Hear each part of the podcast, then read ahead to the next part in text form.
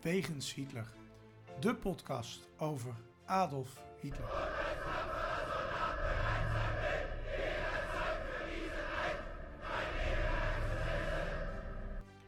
Dictator, alleenheerser van 1933 tot 1945. Een man met miljoenen doden op zijn geweten. Das war ein Befehl! Der Angriff Steiners war ein Befehl! Een man waar ongelooflijk veel verhalen over te vertellen zijn.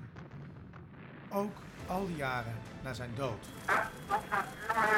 Adolf Hitler heute Nachmittag seinen Befehlsstand in der Reichskanzlei bis zum letzten Atemzuge gegen den Bolschewismus kämpfen für Deutschland gefallen ist. In deze podcast gaan Sjoerd de Boer en Niels van Andel de wegen van Hitler af. Ze kijken naar bijzondere plekken, naar vroeger, naar nu. En ontdekken samen met de luisteraar het bijzondere verhaal van de Führer van Nazi-Duitsland. Een, een nieuwe week, een, een nieuwe wegens Hitler. En wij beginnen met excuses, want we schijnen een mok vergeten op te sturen te zijn. Oeh, ja, dat was oeps. We kregen het van een collega te horen, hè? Ja. Die zei, waar blijft die mok? Die zouden jullie Ja. toch... We Maar- hebben hem wel beloofd. Als die collega het weet, dan, moet, dan komen we dus ook achter naar wie die bok weer moest. Dus dit komt goed. We, gaan, eh, we gaan hem opsturen. Deze week eh, staat dat bovenaan mijn lijst, pronkt die.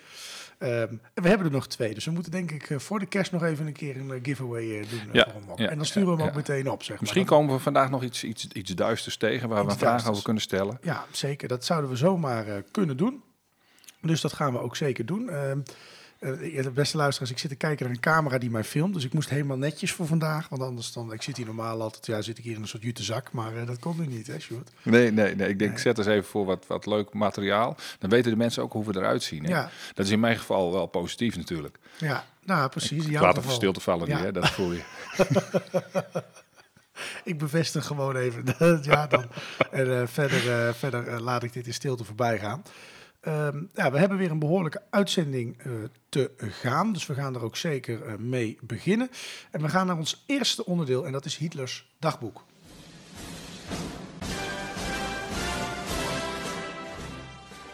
Hitlers dagboek. Het leven van Hitler duurde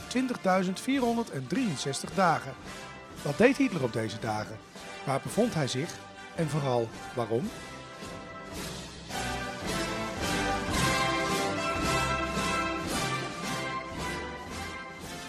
Ehm, deze uitzending komt online op 12 december 2022. En wij gaan terug naar de datum 12 december 1941. En jij appte mij, eh, gisteren geloof ik, van eh, hij moet echt online op 12 december, want eh, dat, is echt een, dat blijkt een historisch belangrijke datum te zijn, heb ik vernomen. Ja, ik had hem ook niet op mijn eh, netvlies eh, vlies of eh, op, op wat voor vlies dan ook. Die netfiets. De netfiets, nepfiets. Ehm, maar dit is wel echt een serieuze datum. Er, gebeurde iets wat eigenlijk niemand wist. ehm, maar waar we wel nou ja, achter kunnen komen door een beetje in, in dagboeken te, te, speuren. Het gaat om een bijeenkomst in de Rijkskanselarij van, in, in Berlijn. Een ontmoeting van, van Hitler en een aantal mensen van de nazi-partij, hoge functionarissen. Ehm, wat, wat, wat verklaart Hitler daar? Die, die, die, die heeft het eh, eigenlijk eh, over de vernietiging van het Joodse ras. En die moet doorgaan. Weet je daar- daar, gaan we niet mee stoppen.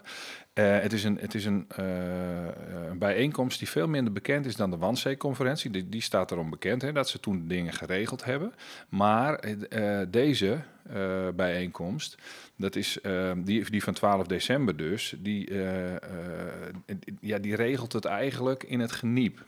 Ehm, die, die, die, hij, hij, hij, hij, hij doet het niet in een of ander officieel kantoor of zo, maar in zijn privévertrekken.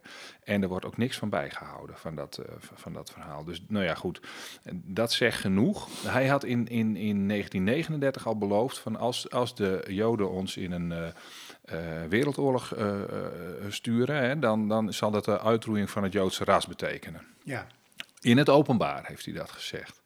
En dan gaat hij op die middag van 12 december 1941, dat is dan een, behoorlijk wat tijd, tijd zit daartussen.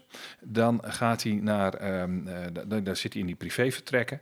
En dan ehm, eh, roept hij hetzelfde eigenlijk. En dat weet je dus niet, want het is niet vastgelegd. Maar Goebbels die zegt daar dus wel iets over. Die heeft daar aantekeningen van gemaakt in zijn dagboek. Eh, die gelden dan voor 12 december. Meestal was het dan ge- gedateerd 13 december en dan gold dat voor de 12e. En daar, en daar, zeg- daar schrijft hij op: De Führer heeft besloten het Joodse vraagstuk aan te pakken. En dan zegt hij eh, aan, niet gewoon aan te pakken, maar reinen Tisch zu machen. Dus de, de, de, de, de, de, de, tafel schoon te vegen. Hij voorspelde de Joden dat ze hun eigen vernietiging zouden meemaken als ze opnieuw de wereldoorlog zouden, een wereld- wereldoorlog zouden veroorzaken. En eh, nou ja, dat, dat was dus gebeurd. Eh, er was ook een, iemand de oorzaak van, en Ja. dat waren niet de Joden, maar Nee, goed. nee. Eh, maar die wereldoorlog was er en de vernietiging van de Joden moet het noodzakelijke gevolg zijn. Dat schrijft Goebbels op na deze bijeenkomst.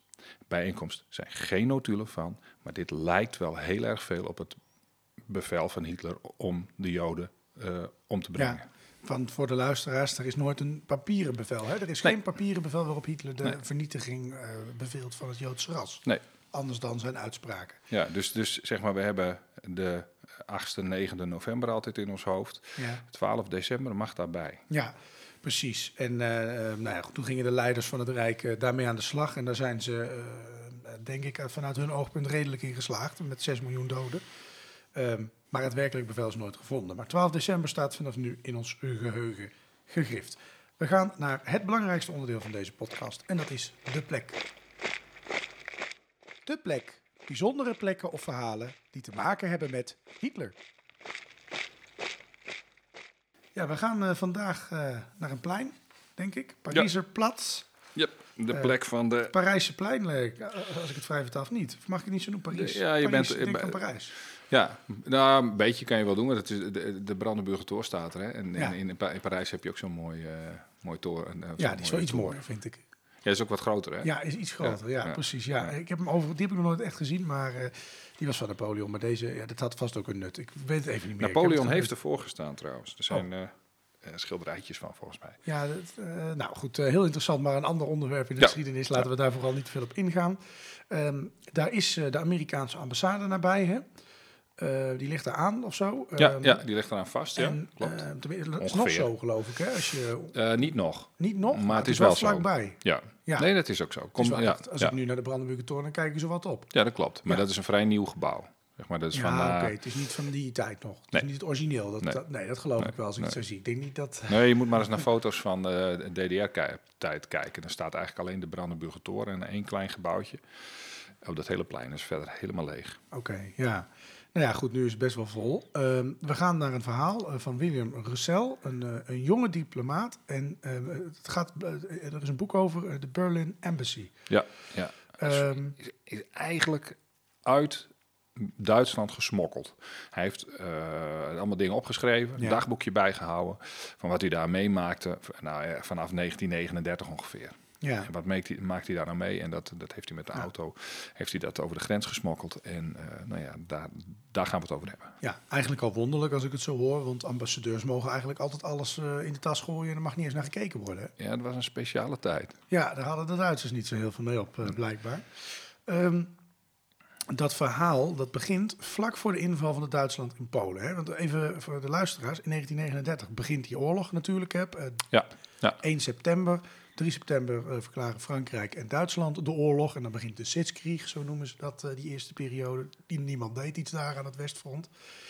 Eh, of, of weinig. Maar ehm, ja, wat, wat we niet moeten vergeten, op dat moment was Amerika geen strijdende partij. Ze Nee, hadden wel een nee. lichte duidelijke voorkeur. Hè. Ze steunden Mhm. wel de Britten nogal, maar ze waren geen strijdende partij. Ehm, en dat verhaal, dat, dat, dat begint dus eigenlijk precies daar, ehm, in, dat, in, die plek, in die hoofdstad die de Wereldoorlog begon.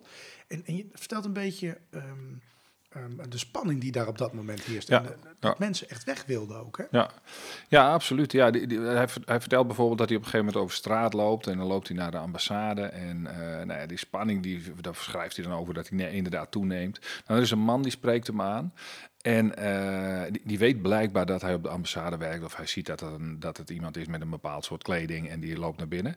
En die vraagt hem of hij hem kan helpen. En dan, dan, dan eh, twijfelt hij Russell, want dat, dat, dat gebeurt de hele tijd. Er staan gewoon rijen voor de ambassade van mensen die eigenlijk naar Amerika willen. Nou, die man die doet dan zijn hoed af. eh, en dan ziet hij dat zijn oog is dichtgeslagen. Dus ehm, zijn gezicht is verwond. En dan legt die man uit dat hij uit Dachau komt. En eh, ja, dat zijn vrouwen en kinderen in Nederland zijn, notabene. Eh, ze kunnen naar Amerika, want blijkbaar hebben die, eh, die, die kinderen daar een, eh, dus die vrouwen en kinderen hebben daar een visum voor. En ehm, eh, nou ja, dan moet hij alleen nog een, een visum voor Amerika hebben. En dat moet nog dezelfde avond, want hij moet weg. Want de volgende dag moet hij, of, of twee dagen later, moet hij de boot nemen of het vliegtuig naar, naar Amerika. Ehm, nou, die Russell die denkt van ja, dat is wel even een, een dingetje. Dus die neemt hem mee naar binnen. En ja, dan komt hij erachter dat de lijst, zoals eigenlijk altijd trouwens, eh, hij had het kunnen weten. En de lijst is al vol. Eh, meer kunnen er niet op. En, dan gaat hij verschillende collega's af. eh, en, en de man die kan helpen, die moet dan naar een overleg. Het is één grote paniekerige toestand daar binnen. met allerlei mensen die willen vluchten. Die willen die dreigende oorlog, daar hebben ze geen, geen zin in. En ze hebben allemaal hun eigen reden om weg te gaan. Er zitten joden tussen, er zit van alles tussen. Ehm, eh, de, een collega vraagt dan ook van... Ja, maar jij wil dat ik hem help. Alleen, dat is niet eerlijk, want die andere mensen willen ook weg. Dus die hebben net zoveel eh, redenen, misschien, als deze man. Nee, dat geeft die, Rus, eh, die, die Russell dan ook wel toe. Ja, dat is eigenlijk een ander beeld dat we kennen van Duitsland dan in de Eerste Wereldoorlog, waarin de feeststemming heerste eigenlijk toen de oorlog steeds dichterbij kwam. Ja, maar en dit zijn natuurlijk wel mensen die ook vluchten voor, voor, al, al ja, vanaf 1933 natuurlijk ook al een regime waar ze denken, ja, maar als we hier straks niet meer weg kunnen, dan moeten we het nu doen. Ja. En eh, nou ja, en als je, ja, weet je, als je als Jood al door hebt van dit wordt hem niet, dit is, eh, eh, ja, dan, dan ga je ook in die rij staan. Ja, precies. Ja. Dus dat, maar ja, goed, weet je, hij, hij moet wachten. En ehm, eh, hij, hij, ja, die, die, hij beschrijft dan in het begin van zijn boek heel mooi dat er ook allerlei andere binnen, binnenkomen. Dan komt er bijvoorbeeld een SAR binnen in die chaos. En die brengt een Jood naar binnen, want die stond in de rij, maar die viel, viel flauw. En, eh, nou ja, en dan, eh, nou ja, dat soort toestanden vinden dus steeds pla- plaats. En dan is het al middag en dan kan die andere man die kan worden geholpen. Die man met zijn familie in Nederland. Hij is dan eigenlijk al te laat voor zijn eh, visum in Nederland, maar dan gaat hij dan maar gokken. En dan gaat die Russell, die gaat hem eh, met de auto brengen naar eh, Tempelhoofd. Ehm, eh, kijk, dat is net op tijd is hij dan om te vliegen. En er gebeurt ook nog van alles op die, op die. Dus ja, daar zou je eigenlijk het boekje ergens moeten bestellen, als je dat wil weten. Maar dat ging eh, echt, dat ging dus vlak voor, op dat spannende moment ging dat bijna dagelijks zo. ja, doet me een beetje denken aan die beelden van een jaar geleden in Afghanistan, hè? waarin de mensen vluchtend Amerikaanse vliegtuigen ingingen. Nou ja, ja, ja, nou ja dat- zoiets moet het geweest zijn. Ja, ja. Ja. Ik weet niet of dat meteen de, de, de, de druk van een aanval, of de, de, de, daar waren ook echt wel eh, soldaten aanwezig die van alles. Dat was veel chaotische toestand. Ze gaan Mhm. netjes naar de ambassade hier nog, weet je wel. Dus eh, Ja, dat is misschien een er verschil, wel- maar het is hetzelfde principe eigenlijk. Ja. Ja. Ehm, in, eh, eh, we hebben het dus over de Berlin Embassy. Dus dat betekent, er is een ambassade in 1939 in Berlijn. Ehm, ehm, maar dan valt Duitsland op een gegeven moment, dat weten we, in september dus Polen binnen. En, gewoon ook meteen begin september. Ehm, daar gaat dat dagboek van Russell dus ook over. Ja, ja dat is, dat is, en, en, en dan heeft inderdaad Amerika daar, daar misschien nog niet eens zo heel erg veel mee te maken. Is natuurlijk een natuurlijke bondgenoot van, eh, van Groot-Brittannië. Maar ehm, eh, kijk, hij zit, hij zit daar op die, op die dag dat, dat Hitler daar ook dingen over gaat zeggen. Zitten ze daar ook precies op de goede plek. Hè? De kanselarij, nou ja, je, je bent er zelf ook geweest. We hebben er Mhm. samen nog gestaan. Ja. Je staat voor die, die Brandenburger Tor, daar staat die ambassade en dan, dan ligt die kanselarij, ligt, eh, zeg maar, als je ervoor staat aan de rechterkant. En als je eh, naar de linkerkant kijkt, dan zie je de Rijkstaak. De Rijkstaak werd overigens niet gebruikt. Eh, daar hadden ze een, een, opera, die stond er tegenover, die bestaat niet meer. Daar deden ze de, de bijeenkomsten van de Rijkstaak. En eh, de- langs, die, langs die route stonden allemaal ehm, eh, van die uitroep, van die, van die knet, hoe heet die, van die, ach, toen nou, de luidsprekers? Luidsprekers, ja. Van die, ja, van die, ik bedoel van die, ja, het zijn luidsprekers. Laat maar. Ik, ik probeer de oude naam te zoeken, maar ehm, eh, eh, het ziet er heel specifiek uit. Maar goed, ehm, En Hitler die komt dan ook langs rijden. Dus zij zien Hitler in de richting van de Krolopera rijden, waar die, waar die een beroemde toespraak gaat houden eh, nadat eh, eigenlijk de aanval is, al is gestart. Ehm, nou ja, eh, hij, hij roept bijvoorbeeld dat eh, nou ja, van, vanaf nu aan wordt, wordt gewoon eh, met scherp teruggeschoten. Maar hij zegt ook iets anders. Hij zegt van ik hou mijn soldatenuniform aan totdat de oorlog voorbij is. Nou ja, dan hoor je allemaal ziek heil door die luidsprekers en zo. Ehm, en eigenlijk gebeurt er niet zoveel op straat. Eh, er staan een paar arbeiders en die werken gewoon door. Die reageren helemaal niet op die oorlogsverklaring. En het, het, het lijkt er een beetje op in zijn beschrijving. Hè? ja, dus ja. ik praat nu met dat boek mee. Dat, dat Berlijn echt geen zin heeft in die oorlog. Com- compleet contrast met de Eerste Wereldoorlog. Ja. Ja. En in München bijvoorbeeld. Ja. Ehm, ehm, hij vertelt ehm, uiteindelijk in zijn boek ook over wat hij op straat tegenkomt. Eh, nou, daar lopen allemaal mensen, maar ook ehm ehm, ehm, ehm, SS'ers. Hè? En dat, dat, zijn, dat, dat kan me voorstellen, als je daar voorbij loopt als ambassadepersoneel, dat dat best wel spannend kan Ja, zijn. ja, ja, en dat zou eigenlijk dus niet moeten. Want je bent eh, ambassadepersoneel, dus je bent niet eh, eh, bedreigd. Maar dat was dus eigenlijk wel zo. Kijk, de, de situatie die hij dan schetst is dat ze op straat lopen en dan spreken ze Engels. En dan zegt er een stem achter ze van... hé, hey, dat, dat Engels van jullie, dat stinkt. Nou, dat blijkt dan een SS'er te zijn. En hij vraagt ook, waarom spreek je dan geen Duits? Nou, die, de kameraad van die eh, Russell, die heeft, eh, die, die heeft wel lef. En die, die, die spreekt dan op een gegeven moment wel Duits tegen hem. En dan zegt van, ja, maar wij, wij spreken geen Engels, want wij zijn Amerikanen. Dan spreken ze Amerikaans dus blijkbaar. Mhm. Eh, ten tweede, wij werken op het consula- consulaat. En ten derde ben ik hier omdat ik hier moet zijn. Dat, dat was niet bepaald diplomatiek. Maar er stonden ook mensen om me heen. En die kozen dan een beetje partij voor ze. En toen droop die SS er ook wel weer af. Ja. Maar dat lijkt mij een best wel spannende Nou, ja, situatie. We weten hoe eh, SS'ers met kritiek omgingen uiteindelijk. Hè? Ja, ja. Ehm, ook dat groeten moet toch wel lastig geweest zijn. Want eh, nou ja, als je een beetje een film kijkt, altijd uh, Heil Hitler bij het groeten. Ja, ja, dat is, dat is een. Ja, het- enige alternatief, vertelt hij dan, dat is dan Grüß Gott. Zegt, eh, zegt hij. Ik weet niet of dat ook echt zo is, maar misschien heeft hij dat zo meegemaakt. Goed God. Eh, ja, Grüß Gott, dat is heel, heel Oostenrijks. Hè? Dan, eh, ja, je groet God. Ja, Oh. dus ook met heel veel respect. Ehm, eh, als je dat dan zei, dan werd je in ieder geval niet ge- gearresteerd. Ehm, maar die manier van, van groeten is dus wel een soort manier van om laten zien waar je staat. Dus politiek gezien. Dat, dat is dan hoe, hoe zijn interpretatie is. Ehm, hij vertelt bijvoorbeeld over een man, die, die, die, daar loopt hij dan toevallig achter en die herkent iemand s'avonds op straat. En dan groet hij die vrouw, dat is een vrouw die hij ontmoet, daar staat in de beschrijving, met Heil Hitler. En zij doet dat dan terug eh, en met zo'n armpje naar achteren, weet je wel. Dus hij heeft dat goed ingeschat en dat weet hij ook blijkbaar van haar. Die moet je met Heil Hitler groeten. En verderop komt hij dan een man tegen, een andere bekende, en, de, en die groet hij dan met uh. En die antwoordt dan ook terug, Goede Nacht. Ja. Dus dan weet je van, oké, die zit zo, die zit zo in elkaar. ja. Eh, Russell was ook wel een beetje een man die van humor hield. Hè? Want hij vertelde ook wel graag moppen eh, die hij had gehoord. Ja, ik, ik, ik heb er een serietje opgeschreven. We kunnen, we kunnen ze ook eh, om de beurt doen, als Oh, je dat leuk. leuk vindt. Ja. Want dan, Ja. dan ja, weet je, ze gaan vaak over de leiders van, van, eh, van, van, van, van het land. Hè? Je kon daar wel voor in het concentratiekamp komen. En, ehm, Oh. ehm, dus, je, nou ja, misschien, ik weet niet of dat voor ons... Nee, dat geldt niet meer, hè? Nee. Ehm eh, Geuring die zou er trouwens wel van hebben gehouden. Maar de anderen hier hadden niet zoveel ge- gevoel voor humor. Want er werd over Geuring dan in ieder geval gezegd, of het waar is, is weer een tweede, dat hij vijf mark betaalde aan iedereen die hem een nieuwe mop over hemzelf kon vertellen. Nou ja, goed. Ehm, ik, ik, laat ik aftrappen. Dat, Ja. is geen, dat is geen echte mop. Maar ehm, eh, in, in, in Oostenrijk hadden ze een alternatief voor één volk, één rijk, één vuren. Één volk, één rijk, één vuren. Ja. Eén, één leider. Dat was na de Anschluss. Toen was Duitsland was eh, Oostenrijk binnen en binnen gewandeld en was ook welkom en die nam het daar over. Maar daarna was het toerisme compleet ingestort. Dus ook vanuit andere landen wilde men helemaal niet meer naar Oostenrijk toe. Ja, precies. Ehm, dus die mensen uit de in- toeristenindustrie in, eh, in, in Oostenrijk, die maakten dan van één volk, één rijk, één klant. dus veel meer klanten hadden ze blijkbaar niet. Nou ja, Nee, dat. Precies, ja. Eh, dan de volgende, dat Hitler en Goebbels die waren een eh, ritje in de auto aan het maken toen ze over een hond reden. Die, die hond ja, die, die was dus blijkbaar dood, dat kun je Ja. wel voorstellen.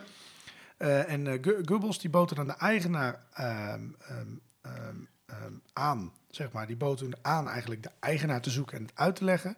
En Hitler die zei hem dat hij moest opschieten. Hè? Dus eh, schiet een beetje op, joh, want het duurt allemaal veel te lang. Maar dat gebeurde niet. Goebbels kwam pas een uur later terug, stomdronken. Hitler die was natuurlijk boos en vroeg hem waarom het zo lang duurde. En Goebbels die zei erop, ik vond het huis waar de eigenaar woont, woont en klopte aan. En toen de deur open ging, zei ik, Heil Hitler, de hond is dood. Godzijdank, zei de man, laten we het vieren. Ja, Ja, ik denk ja. dat ik weet wie met die hond bedoelt. Ja, ik denk het ook. Ja, Ja, je, houdt, je had het zwijn daar kunnen invullen, maar Ja. ja, ja, Heil Hitler, de hond is dood. Ja. Eh, drie dictators hemelen hun land op. Ook een mopje uit Duitsland. Stalin zegt, de Russen zijn het grootste volk van de wereld en Rusland is het grootste land. Mussolini zegt erop, Rome is glorieus. De stad is een gift van God aan de fascisten. Dan vraagt Hitler, wanneer heb ik die gift gegeven? nou ja. Er is er nog eentje. Herman Geuring en Jozef Goebbels die komen aan bij de hemelpoort. Onverwacht. Maar waar? Ze mogen door. Nou, dat zou ons nu Dat zou een wondertje zijn. Maar dat is niet helemaal. Er is een andertje onder het gras, Petrus, die zegt... voor elke leugen die je hebt verteld moet je een rondje om de hemel heen lopen. Dus Geuring die loopt 20 rondjes en komt terug bij Petrus. Petrus vraagt na een tijdje... waar is je vriend gebleven? Zegt Geuring, die is terug naar de aarde om een motorfiets te halen. Geuring, Goebbels overigens propagandaminister, Ja, hè? dus die heeft wat leugentjes verteld. Nou, dan, dan is er nog een verhaaltje van, van Mussolini. Ehm, eh, dat zou in ieder geval van Mussolini komen. Het is geen mop, maar het deed ook de ronde. En dat is, dit is wel aardig. Dat ging over Hitler, die op bezoek ging in Venetië. En dan zegt Mussolini, die zegt van ja, ik, ik, ik liet hem de mooiste architectuur zien. Ik serveerde hem het beste eten. En om hem heen zaten de mooiste vrouwen. Hij kon kiezen uit de duurste wijnen. En wat deed hij? Niets, alleen praten. Ja. Hij praatte tijdens het varen door de stad, in de hotelgang, eh, tijdens een autorit over het platteland. En hij was alleen maar praten, praten, praten. Ja, nou, Geen mopje, maar goed. Ja zo, Ja. ja. zo kennen we hem ook. Men ging aan het eh, begin van de oorlog en vlak daarvoor nog wel, eh, eh, wel eens uit. Hè? Daar staan ook verhalen van in het boekje. We kunnen ons voorstellen dat aan het begin was alles nog niet zo op de bol.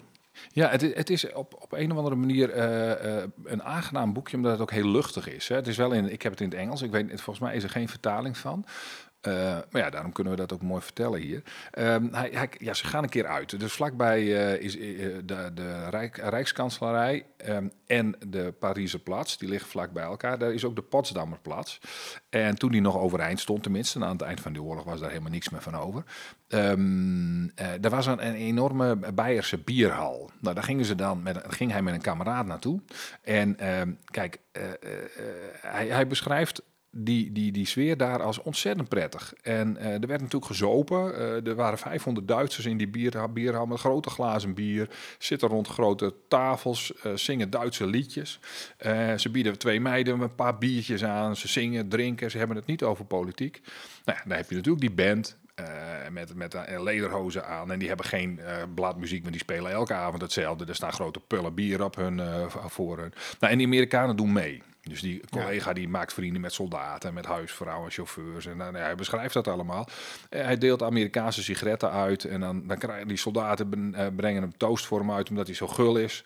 En dan gaan ze ge- gearmd een drinklied zingen. Weet je wel, dat. Het is een hele andere sfeer dan op straat. Nou, eh, maar dan op een gegeven moment dan gebeurt er even een, en, en dan, blijft, dan blijf je met je voeten op de, eh, op de, op de bodem staan, zeg Ja. maar. Want een van die meiden, waar, die mee, mee, waar ze in het begin al eh, kennis mee hadden gemaakt, die vraagt dan van, hey, hou, hou jij ook zo van Duitsland? Nou, eh, die, die vriend van, van Rusland die roept dan meteen van, ja, natuurlijk houden we van Duitsland. En dan vraagt ze, maar hou je ook zo van onze? Eh, Ja, en dan, dan valt het dus stil. Gelukkig is iedereen bezopen, dus dat scheelt dan weer. Dan laat die, die, die vriend die laat gewoon een pakje sigaretten vallen. Zo van, oh ja, wacht even, ja, ik moet even... En dan pakt hij het op en dan rommelt hij wat. Eh, maar dat is gewoon een afleiding, want hij wil geen antwoord geven. Dat is, eh, nou, hij beschrijft die kerel ook eerder in dat verhaal als iemand dat, nou, die eigenlijk zijn mening niet voor zich kan houden.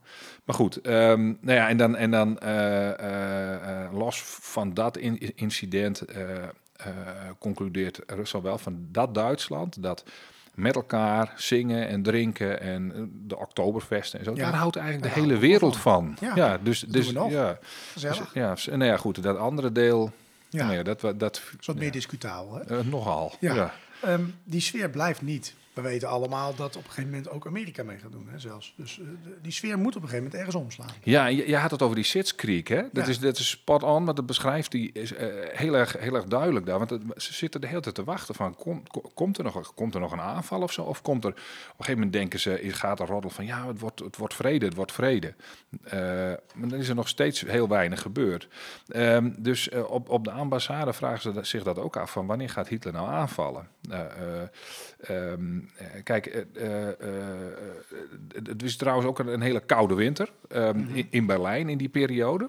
Dus, dus eh, het, wordt ook wel tijd dat het weer een beetje vlot trekt, hè? Die, die, die economie en dat gedoe. Ehm, hij, hij, hij, hij- komt bijvoorbeeld bij een vriendin van hem en die heeft een man en er zitten kinderen aan het front. En eh, die vertelt dan van ja, er zijn geen aardappels meer, de, de, de, de groente is, is, is, is ook bevroren. En je, eh, je, kunt, je kunt ook niet steeds hetzelfde eten, want daar word je ook niet, niet goed van. Nee. Maar die winter is zwaar, dus de, de, de oorlog komt nog. Eh, er is nog eigenlijk, ja, Polen hebben we gehad. Ehm, Ja, en, die maar, maar, keurig binnen. Dus, eh, ja, dus, dus nee, goed, maar dit, dit is, eh, het, gaat, het gaat nu al niet goed. Ehm, weet je ook meteen waarom natuurlijk die, die hongerwinter in Nederland eh, gebeurde, omdat ze heel veel voedsel naar, eh, naar Duitsland moesten hebben. Eh, oh, eh, nou ja. Dat ligt wat genuanceerd, Ja, dat maar daar zal- kunnen we het nog een keer over nou ja, hebben. dat zal van, ja, dat, nou, dat vind ik wel interessant. Ja. Dat, we- ik, ik, geef, ik, ik maak meteen een omtrekkende beweging. Dat zoveel weet ik er niet van. Dat was een gedachte die ik had. Maar goed, ja. Wel interessant. Hij is nog in, die, in, die, in dit appartement van die vrouw. Ja. Ik praat er meteen overheen. Ja, Ehm, precies, gaat goed. eh, ja. eh, en en die, die, die, die, die, die vrouw die wijst, eh, dan, dan vraagt hij van, ja, maar ik wil eigenlijk wel eens weten, hoe, hoe, hoe gaan jullie nou om met die oorlog? Want er zit een, is een dreiging en hij, hij wil daarover doorpraten. Maar zij wijst dan op de telefoon en zegt van, nee, nee, nee. Ehm, eh, vinger op de, op, op de mond en eh, nou ja, dan zegt, ze- zegt ze dus niks. Iets met afluisteren. Dat wordt dus Nou, afgeluisterd. deden ze dat ook? Weet jij dat toevallig? Nou ja, dat, Via die telefoons? ja, dat weet ik niet. Zij Nee. zal dat idee gehad hebben, maar eh, ja, zou Ze lijken me er niet voor gemaakt, die dingen. Als die horen erop ligt het eruit.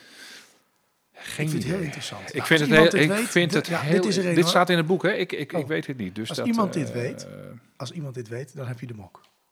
Dat is duidelijk. Ja. Ja, oh, dat is een goede vraag. Ja, helemaal Ja, goed. Ja, Dus luisterden de Duitsers via telefoons af als ze niet, dus niet aan het bellen waren. Hè? Je was niet aan het bellen. Nee. Dus je was gewoon in gesprek. Ja, want dat was misschien nog wel makkelijk. Je kon Dat je- was die- makkelijk, ja. deed er een kabeltje tussen en klaar. Maar, het, eh, nou, leuke vraag. Ja. Ja, ja. Nou ja, weet je, dan, eh, dan, we zitten wel in de tijd dat bijna niks meer verkrijgbaar is. Dus eh, noem maar op, auto's, schoenveders, toiletpapier, paperclips, ja, blikvoer, verboden.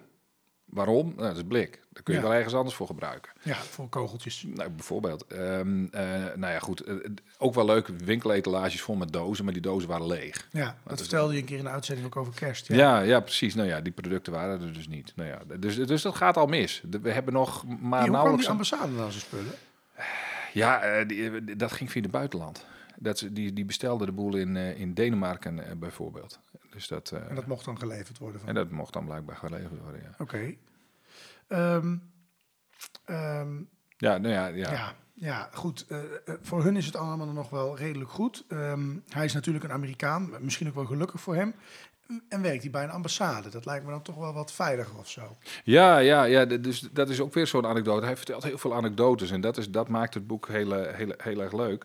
Ehm, die die, die eh, Berlijners die zeggen dat ook, hè, van, van, van jullie zullen wel genoeg hebben. En wij hebben, eigenlijk, eh, wij hebben eigenlijk niks. Maar daar was eigenlijk alleen maar een lomp antwoord op. Hè. John Cleese zegt dan in een of andere act van hem, hu- humoristische act, van ja, hoe startte dit? Wie, heeft, wie is nou die oorlog begonnen? Ik bedoel, je loopt niet te zeiken, pons, jullie zijn begonnen, dus dat je niet tevreden hebt, dat is je eigen schuld. Maar dat kun je als diplomaat natuurlijk niet zeggen. Nou, nou is hij op een gegeven moment op stap met de vice-consul en, en, en, en dan komt hij een Duitser tegen en die Duitser vraagt, klopt het dat diplomaten 6 pond boter per gezinslid krijgen? Eh, dat had hij gehoord van een vriend. En die viceconsul, die moet natuurlijk altijd netjes blijven. Maar dat was, di- dit keer was hij wat directer. Dus hij zei, ten eerste heb ik niks aan 6 pond boter per week. En ten tweede zou ik dat niet eens kunnen betalen. En eh, ten derde, daar komt nog bij, zei hij, dat ik mijn boter niet afpak van Duitsers, maar ik bestel het in Denemarken. Nou ja, precies wat jij vroeg. Ja, En ik betaal het met Amerikaanse dollars. ja. Nou staat dat boek natuurlijk vol met anekdotes van voor, ehm, ehm, of het begin van die oorlog, net eh, begonnen. Hè. Eh, die Amerikanen die zijn nog in Berlijn.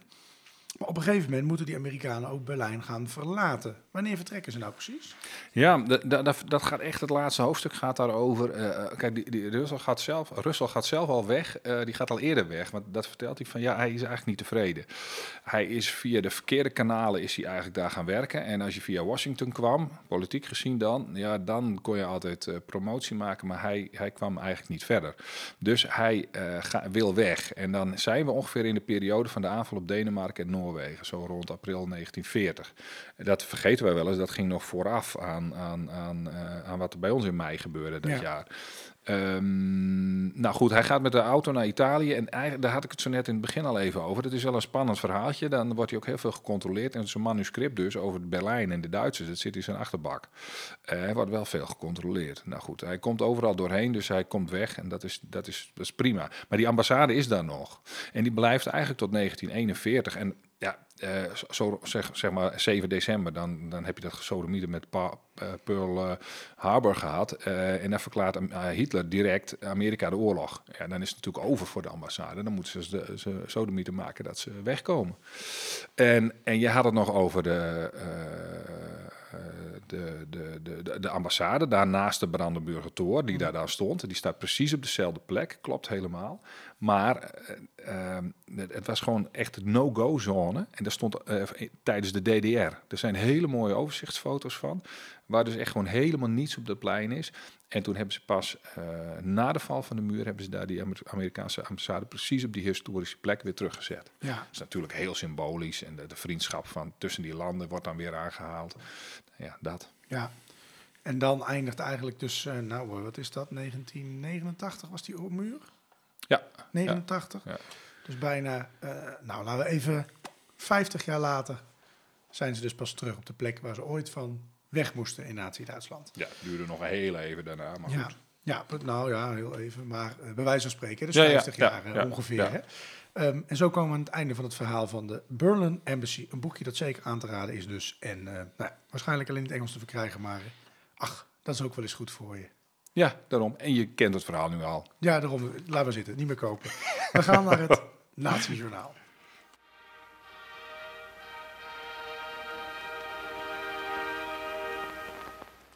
Het Nazi-journaal. Bijna dagelijks is er nog wel iets te vinden over Hitler. Hij is in het nieuws, er is een stuk in de krant, een tweet, een interview of een nieuw boek. We bespreken het in het Nazi-journaal.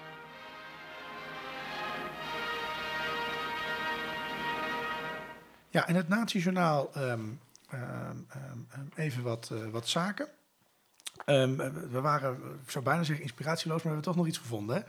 Eh, we gaan het hebben over de films van 2022 die over de oorlog gaan. We hebben ze niet allemaal gezien, dat moet ik ook wel bekennen. Maar een aantal hebben we wel gezien. Dus eh, de, de eerste hebben we ook eens besproken. Hè, toen we, het over een afle- we hebben een aflevering gemaakt over de eh, crisis. Ik zit even denken, de Sudetencrisis, zeg ik het nu goed? De, Mhm. Het Sudetenland. Munich, die Edge of War. Ik vond dat zelf een hele goede film, die ik heel goed laat zien. En die is ook nog in die originele zaal hè, geweest. eh, in het originele gebouw. Ja, ja, ja, dat vertelde je. Dat is, dat is wel, eh, dat is wel eh, de moeite waard. Dus om die alsnog terug te kijken. Dat vind ik ook wel leuk hoor. Even een paar filmpjes uit eh, 2022. Het is bijna oud en nieuw. Hè? We moeten Ja. even terugkijken. Nee, precies. En je moet ook wat te doen hebben tijdens. Hè? Want heel Ja. veel mensen gaan richting de kerstvakantie. Die beginnen vrij te nemen. Dus je moet wat te doen hebben die Ja, twee weken. wat is er nou leuker dan met kerst een goede oorlogsfilm? Het kan ook na de kerst. Oh ja, ja nee, goed. Ja. Jij zit ook twee weken thuis.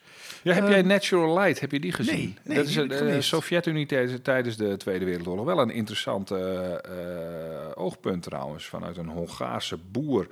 Ehm, nou, ja, ja, ik, ga dat toch eens even opzoeken. Natural Light. Ja, je hebt ook de film Operation Mindsmeat. Mindsmeat. En dat is een, ehm, een film die is gebaseerd op het waargebeurde verhaal. ehm, eh, ehm, ehm, dat de, de geallieerden troepen een landing zouden doen in Griekenland en op Sardinië.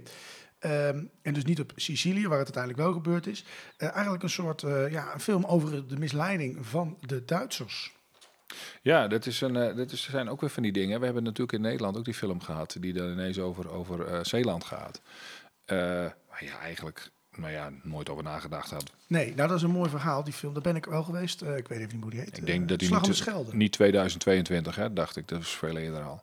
Nou, Nou, het is eind 2021 geweest. Ja, dat is Ja. alweer anderhalf jaar geleden bijna. Ja. Ja. Maar vertel. Was, nou, het was wel een goede film, vond ik. De Slag om de Schelde. Dat is ook de duurste Nederlandse film ooit, hè. Maar ik, eh, ik ging daar met een vriendin naartoe. Dat is het allermooiste verhaal. Gewoon een vriendin, hoor. Dus niet meteen eh, scoops. eh. Nee, dan ga je niet naar een oorlogsfilm. Nee, nou, nou ja, ze wilde er zelf heen. Ik wilde er graag heen. Ook, nou, ik wil ook wel. Dus nou, zo ging het een beetje. En de vriend, weet ik veel, die had een feestje. Dus ik ben dan stand-in blijkbaar. Mhm. En toen liepen we die zaal uit. Dus ik vond wel veel schieten. Wat had je dan gewild? Een goede liefdescène daar aan het front. En toen kwam, ja, die zit er altijd in. In elke Nederlandse film zit een liefdescène. Ja. Maar de Van Rossum ergens zich er altijd. Wat aller, het allerleukste was, daarna kwam de slag. Er kwam echt de beste opmerking. Ik snapte helemaal niet wat over ging. Ja, ja toen, toen- Oké. ja ik Ja, vond het allemaal maar- maar, goed. Oké, ja. ik wil hier nu iets over zeggen, maar misschien luistert ze, dus ik, ik zal niks over IQ zeggen. en Ja. Ehm, de volgende film is voor jou Devotion. Waar gaat die over? Ja, nou ja, eh, dat is een paar gevechtspiloten van de Amerikaanse marine die riskeren hun leven tijdens de Koreaanse oorlog. En dan, eh, nou ja, weet je, eh, enkele van hen worden de meest gevierde wingman van de, van, van de marine, lees ik dan. Nou ja, dat zal wel. Deze film heb ik, daar weet ik helemaal niks van, maar die is inderdaad ook uitgekomen. Ja, er staat ook een andere film op. Die is eh, ehm, op Netflix. Die hebben we volgens mij pas ook besproken. All Quiet on the Western Front. Maar volgens Ja. mij heet die nu... eh, of misschien is dat hetzelfde, maar dan in het Duits. In Westen niets Neues. Ja, dat is, het, dat is, dat is het, eh, eh, de Duitse naam inderdaad. ja. En, en dat is, film. ja, ja, ja, ik heb hem ook gezien met mijn zoon. Ja, Ja, Het, is echt, het, het, laat echt zien hoe verschrikkelijk die oorlog was. Ja. En, en hoe eigenlijk, maar ook wat, wat, ik, wat ik me niet herinner van het origineel, maar misschien die heb ik ooit gezien toen ik 13 was. Ja, ik, wat keek ik op je 13, zul je nu denken, maar ehm, ehm, daar herinner ik me dat niet van.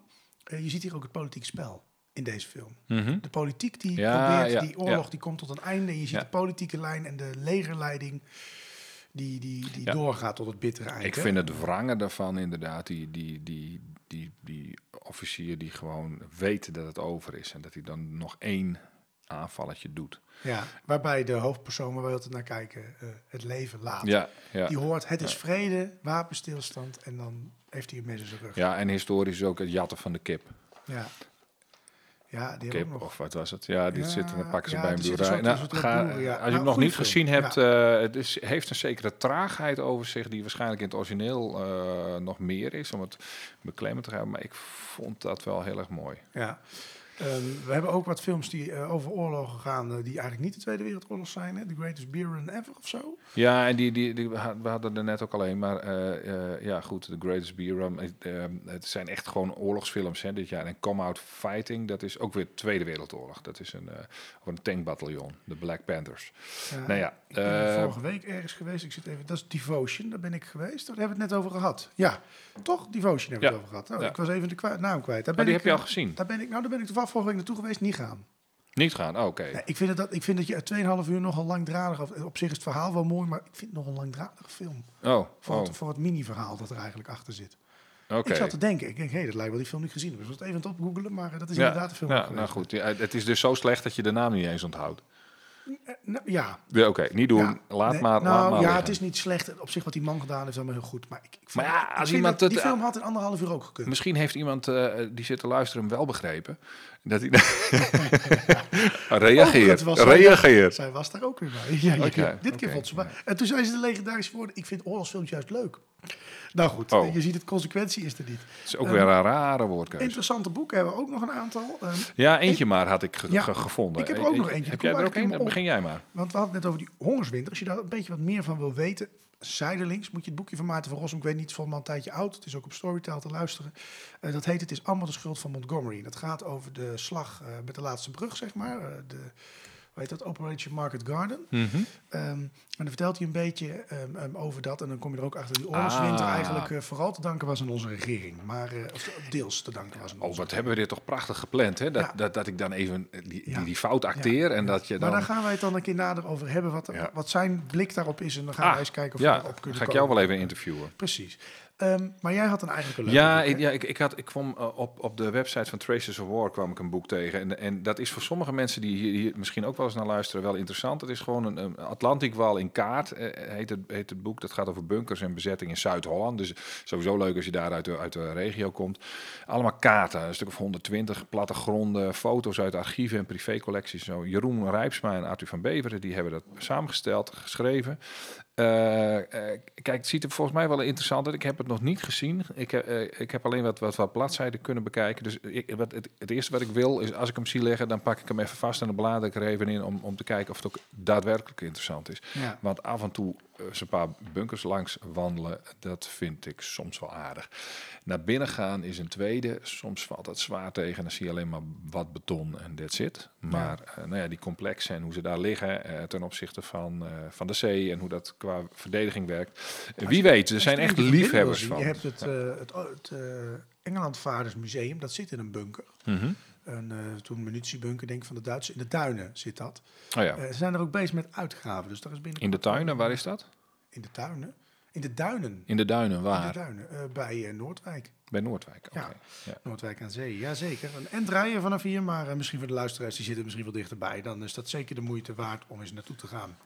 En daarmee komen we aan het einde van dit onderdeel. Dan gaan we weer naar het laatste onderdeel van deze uitzending. Van nu naar vroeger. Van nu naar vroeger. Wat speelt er nu in ons nieuws en hoe zat dat in de tijd van Hitler?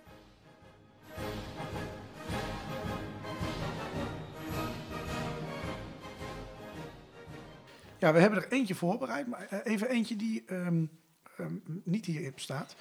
Ehm, vorige week in het nieuws eh, in Duitsland een aantal mensen opgepakt die een staatsgreep wilden plegen. Je hebt dit totaal gemist, eh, zie Ik, je ik ben gezicht. alleen maar bezig geweest met het voorbereiden Ja. van, van een verhalen over het verleden. Waardoor ik dit volledig gemist Nou, heb. dan ja. denk ik dat het er gewoon een andere keer even over. Nee, Want, eh, eh, nee, vertel. Nee, vertel eens even. daar, Wat is er aan de hand? Er is daar een beweging, eh nou kom ik net even niet op de naam, maar een, een beweging die terug wil naar het Duitsland van voor het Nazi-Duitsland-tijdperk. Eigenlijk naar het Duitse keizerrijk. En die zwaaien ook. Nou, dan slaan ze de Weimarrepubliek over en dan gaan ze op ja, ze gaan eigenlijk weer terug naar het Duitse keizerrijk. Willen ze eigenlijk weer terug. Naar On- de- onze keizer, hier, die hier... eh, ja, zeg, nou, eh, niks van ons bij, maar eh, die heeft hier wel het loodje gelegd. Die, die een paar kilometer verderop woonde die. Ja, de- die heeft ook nog meegemaakt dat hier alles bezet werd. Dat is ook wel geestig ergens. Maar ehm, ehm, nee, eh, dat is een beweging. eh, 20, 30.000 leden. Dat, nou ja, dan denk je, wat, wat is zo'n klein groepje? Dat was het eerste wat ik dacht. En toen moest ik ineens denken van, ja, ho, ho, ho, ho, ho. Maar zo hebben we nog iemand gekend die begon maar met 20 of 30.000 mensen. En langzaam maar zeker een land over. Ja, of nog met veel minder. En dat Ja. ze dan het aantal leden gewoon opschroefden. En dat Ja. ze de, begonnen te tellen bij, eh, weet ik wel wat, 240. Nee, maar dat is op zich. Maar er, er is dus een prins en die heeft er ook iets mee te maken. En het is, dus, nou, dat is eigenlijk een fantastisch verhaal. Maar misschien moeten we daar gewoon eens wat een keer wat nader Oh, over dan moeten ze even uitzoeken wat, dat, eh, uitzoeken. wat er dan ik denk, is. jij hebt dit wel gevolgd. Maar die dat, willen... eh, nee, helemaal ik, niet. Ik, kom totaal Nee. niet op de naam van deze beweging, maar er zaten dus 25 mensen opgepakt die met geweld het land over wilden gaan nemen. En ook probeerden dus composities of, of mensen in het leger te plaatsen die dan het leger zouden kunnen bevelen. Dus nou, Nee, ja, je bent, je, het is wel een duidelijk van nu naar vroeger eh, Ja. natuurlijk. Ja, de, de, de link is wel eh, helder. Ja, Ja. zeker. Ja. Maar goed, we hadden een andere eigenlijk. We hebben een Russische politicus en die is eh, wegens het verspreiden van nepnieuws 8,5 jaar de cel ingegooid. Vertel. Ja, hij schijnt de staatsveiligheid in gevaar te hebben gebracht. Hij, hij, hij heeft een video verspreid eh, over een stadje, eh Bucha, vlakbij Kiev. Daar waren 400 lichamen aangetroffen eh, nadat het Russische leger daar vandaan kwam. eind maart van dit jaar. En de lichamen vertoonden sporen van marteling en executie, standrechtelijk, zeg maar. Dus, eh, nou ja, dat is in, in scène gezet volgens de Russen. Ja. En ehm, nou ja, goed, da- dat mag je dus niet zeggen. En daarmee krijg je dan 8,5 jaar cel. Ja. Hij zat daar zelfs grappen te maken trouwens. Eh, zijn ouders zaten daar in de zaal. Eh, hij nam het zelf allemaal niet zo serieus. Eh, of in ieder geval, hij zal vast heel vervelend hebben gevonden dat hij 8,5 jaar kreeg. Maar ja, je wordt er een beetje cynisch van, kan ik me voorstellen. Ehm, ik vind het trouwens een lastig gegeven als je, als je het over een dictatuur hebt die, Ja. die dan gaat praten over, over nepnieuws. En, eh, of een Trump die gaat zeggen dat er nepnieuws is. Ja. Dan denk ik, oh wacht even, maar nou kan ik het helemaal niet meer volgen. En dat is ook eigenlijk het cirkeltje waar we in Nederland een beetje in, in, in Het is ook heel lastig om dat te onderscheiden. Hè? Want Ehm, nou, als jij en ik nu een middagje op YouTube gaan zitten en uh, complottheorie ook gaan zitten bekijken, bijvoorbeeld over de Twin Towers. Ja. Uh, ik betrap mezelf erop dat ik zelf ook op een gegeven moment denk van, nou, misschien zit er toch wel wat in in die verhalen. Hè? Misschien Ja. zit er toch een kern van waarheid. Ja. En dan begint te twijfelen aan de NOS. Ik vind, het, ik vind het ook wel de magie van taal hoor. Dat je in principe alles kan beweren wat, eh, wat los en vast zit. Eh, ik, ik, kan, eh, ik kan complete verhalen verzinnen. We hebben literatuur, we hebben van alles. We kunnen werelden scheppen die er niet bestaan. We kunnen filosofie houden over van alles en nog wat. En we kunnen allerlei nepnieuws bedenken. Ja, Het kan volledig bezijden de waarheid zijn. Maar goed, eh, ja, eh, om het naar de, naar, naar, naar de vroeger te halen, dan moet je natuurlijk teruggaan naar, eh, naar bijvoorbeeld het gerechtshof. Want nou ja, er wordt natuurlijk niet gelachen en, in het nazi-gerechtshof. En dan kreeg je me toch een scheldkanonade over je heen. Ehm, nou ja, dat zal niet gebeurd zijn misschien. Het wegwerken van tegenstanders gebeurde natuurlijk volop. Hebben we ook wel eens over, eh, over, eh, over gehad in tijdens een aflevering. En Goebbels als meester van het nepnieuws of van, van, van, van, van eh, nieuws omdraaien. Eh, ja, die kennen we ook. Eh, eh, die die, die, die, die legde sporen neer voor de tegenpartij. Terwijl hij een aanslag had gepleegd om maar die sporen neer te kunnen leggen. Vechtpartijen uitlokken. En dan zeggen, zie je wel, ze maken er een zootje van. ja precies. Ja. Tegenstanders opsluiten, dingen niet mogen zeggen. En als je dat wel doet, dan kom je voor zo'n politieke rechter. Nou ja, daar ga je dus, daar vergaat het lachje je echt wel. En dan kom je in een kamp terecht. Dus dat, dat nou ja, we zien dit.